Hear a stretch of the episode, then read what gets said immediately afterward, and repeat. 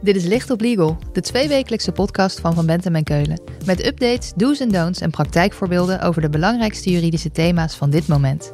Pragmatisch vertaald naar de impact op jouw organisatie. Gebracht door onze eigen experts. Ga niet te snel mee in de wens van de medewerker om niet te reïntegreren, bijvoorbeeld vanwege een conflict of gedoe in het team. Als een werknemer ziek wordt, dan moet je als werkgever het loon van je werknemer twee jaar lang doorbetalen. In die periode moet je je ook inzetten om je werknemer te laten reïntegreren.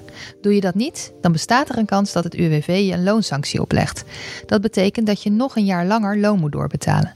Maar wanneer legt het UWV nou zo'n loonsanctie op? Daarover hebben we deze keer in Licht op Legal met Anne Havenkort. Zij stelt zich even voor. Mijn naam is Anne Havenkort. Ik ben advocaat arbeidsrecht en partner bij Van Bentem en Keulen. En Anne geeft daarnaast veel lezingen, waaronder over zieke werknemers. En kan je dus als geen ander bijpraten over reïntegratieverplichtingen. Anne, zo'n loonsanctie, dat klinkt als iets wat je niet wil. Maar komt dat nou eigenlijk vaak voor? Ja, in ruim 10% van alle WIA-aanvragen oordeelt het UWV dat de werkgever onvoldoende heeft gedaan aan reïntegratie-inspanningen en wordt een loonsanctie opgelegd. Werkgevers zijn het daar vaak niet mee eens. Uh, wat we zien is dat het ook vaker gebeurt bij grote bedrijven dan bij kleine bedrijven. En op het moment dat een werkgever dan bezwaar maakt, dan zien we uh, dat uh, de kans dat een bezwaar wordt toegewezen heel klein is, namelijk 11 procent. Oké, dat is dus een kans van net iets meer dan 1 op 10 dat je als winnaar boven komt drijven als je bezwaar maakt. Maar goed, je krijgt dus zo'n loonsanctie als je je niet voldoende inspant om je werknemer te laten reïntegreren. Maar waar vind ik nou welke inspanningsverplichtingen er zijn? Nou, alle verplichtingen in het kader van de reïntegratie die zijn neergelegd in de wet. Dat heet de Wet Verbetering Poortwachter. En die zijn uitgewerkt in de regeling procesgang eerste en tweede ziektejaar. Wat daarnaast relevant is, is dat er ook beleidsregels zijn. De beleidsregels beoordeling poortwachter. En daarin staat beschreven hoe het UWV na twee jaar toetst hoe ze omgaan met de WIA-aanvraag. Nou, daarnaast is er nog een interne regeling die is ook gepubliceerd op het website van het UWV. Dat is de werkwijzer Poortwachter. En ook dat geeft een goed overzicht van de manier waarop het UWV een WIA-aanvraag beoordeelt. Dat is een wet en een berg regelingen. Om het concreet te maken, wanneer legt het UWV nou zo'n loonsanctie op? Of anders gezegd, wat komt het vaakst voor? Nou, in een onderzoek van het UWV zelf hebben zij aangegeven wat nou de meest veel voorkomende redenen zijn om een loonsanctie op te leggen. En dat zijn er vier. Het grootste deel van de loonsancties wordt opgelegd vanwege een tekortkoming in de reïntegratie bij de eigen werkgever. Dat noemen we reïntegratie eerste spoor. En dat kan bijvoorbeeld komen omdat er een conflict is en de werkgever het niet ziet zitten om de werknemer terug te laten keren in het eigen team. Maar wat we in de praktijk ook vaak zien, is dat bijvoorbeeld na één jaar ziekte een reïntegratietraject tweede spoor wordt ingezet, maar eigenlijk daarmee het reïntegratietraject eerste spoor, dus bij de eigen werkgever, wat wordt losgelaten. Um, en dan zien we dat het UWV na twee jaar zegt, ja, jullie hadden toch ook beter moeten onderzoeken of de medewerker toch bij de eigen werkgever weer aan de slag kon.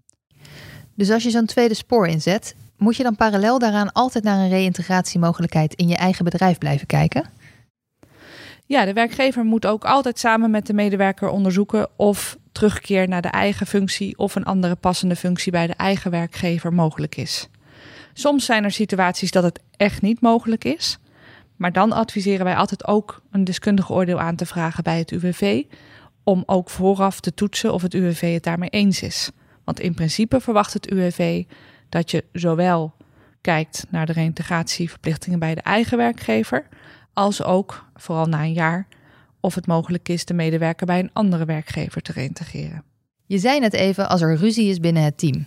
Ik kan me voorstellen dat het voorkomt dat een werknemer door zo'n ruzie zelf helemaal geen zin meer heeft om mee te werken aan een reïntegratie. Dan zit je dus als werkgever met de gebakken peren. Ja, dat klopt. Dat zien we in de praktijk ook regelmatig. Dat de medewerker zelf aangeeft: ik voelde niks voor om terug te keren. En um, dat een, een werkgever daarin meegaat. Of dat een bedrijfsarts toch ook vrij snel geneigd is om te zeggen: dat lijkt niet handig, want het levert de medewerker stress op. Het is wel zo dat de terugkeer naar de eigen werkgever hoeft niet wanneer daar medische belemmeringen voor zijn. Maar op het moment dat een medewerker zelf niet wil, ja, dan zul je als werkgever daar wel tegen moeten optreden en dat toch moeten afdwingen dat de medewerker wel aan zijn reintegratieverplichtingen voldoet.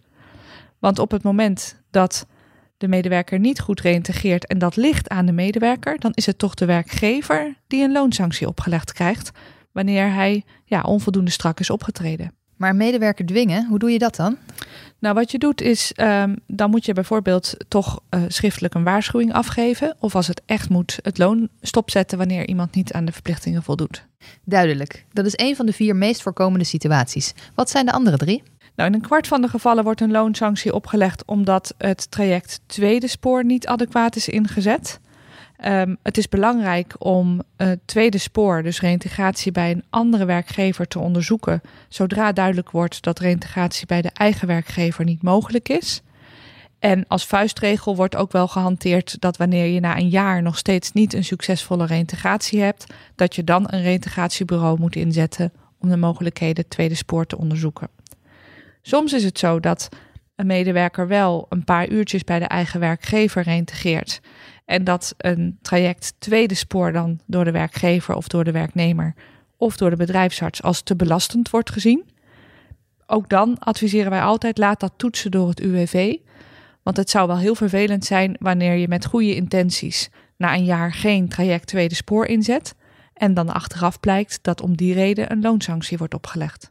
Ja, dus check altijd bij het UWV als je afwijkt van het gebruikelijke pad. En het derde? Nou, de derde is een wat meer algemenere oorzaak, namelijk dat de reïntegratie door andere redenen te laat wordt opgestart. Het UWV noemt dan bijvoorbeeld door laksheid of door een reorganisatie. Bijvoorbeeld de functie van de medewerker komt te vervallen. En de medewerker, ja, de, de reïntegratie gaat eigenlijk een beetje zweven. Partijen vergeten um, de juiste reïntegratiestappen te zetten. En welke situatie komt als laatst vaak voor? Dat is er een die bij werkgevers een heel groot gevoel van onrechtvaardigheid oproept. Dat ziet namelijk op de situatie dat de werkgever keurig het advies van de bedrijfsarts heeft opgevolgd, maar het UWV achteraf het niet eens is met het advies van de bedrijfsarts. Bijvoorbeeld, de bedrijfsarts zegt deze medewerker is dusdanig arbeidsongeschikt dat hij nog niet kan starten met reïntegratie. En het UWV zegt, na twee jaar, nee hoor, wij zijn het daar niet mee eens. De medewerker had op enig moment wel kunnen starten met reïntegreren.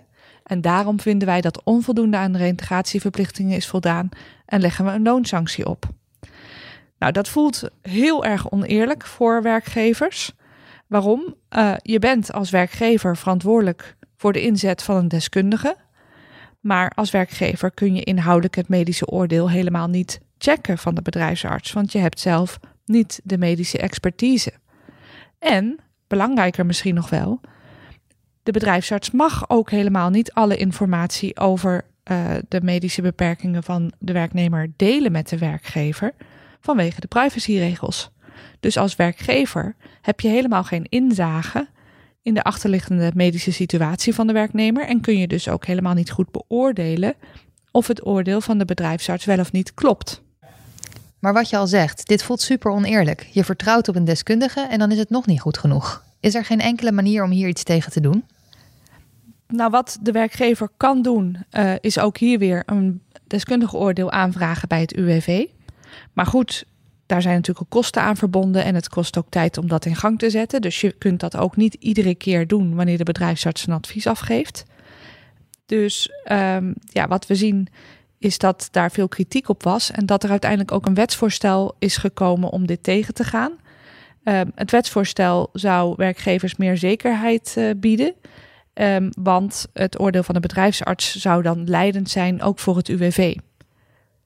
Het wetsvoorstel is in oktober ingediend. Het is in januari ook besproken in de Tweede Kamer. Maar vervolgens is het kabinet gevallen en is dit wetsvoorstel controversieel verklaard. Dus voorlopig weten we nog niet wat er met dit wetsvoorstel zal gebeuren. En kan je ook niet met een beroep op mogelijke aanstaande wetgeving aan de rechter vragen of die een oogje toeknijpt? Nee, dat, dat zal niet gaan. Jammer. Zo'n deskundige oordeel aanvragen bij het UWV is al een paar keer genoemd. Maar wat kost dat eigenlijk? De aanvraag uh, als een werkgever dat doet is 400 euro. 400 euro. Dat doe je dus één keer, misschien twee keer, maar niet iedere week. Nee, en als je een deskundige oordeel wil aanvragen, en in veel gevallen is dat dus ook verstandig, dan zou ik zeggen: doe dat na één jaar. Dat na één jaar is namelijk een heel belangrijk moment voor het UWV.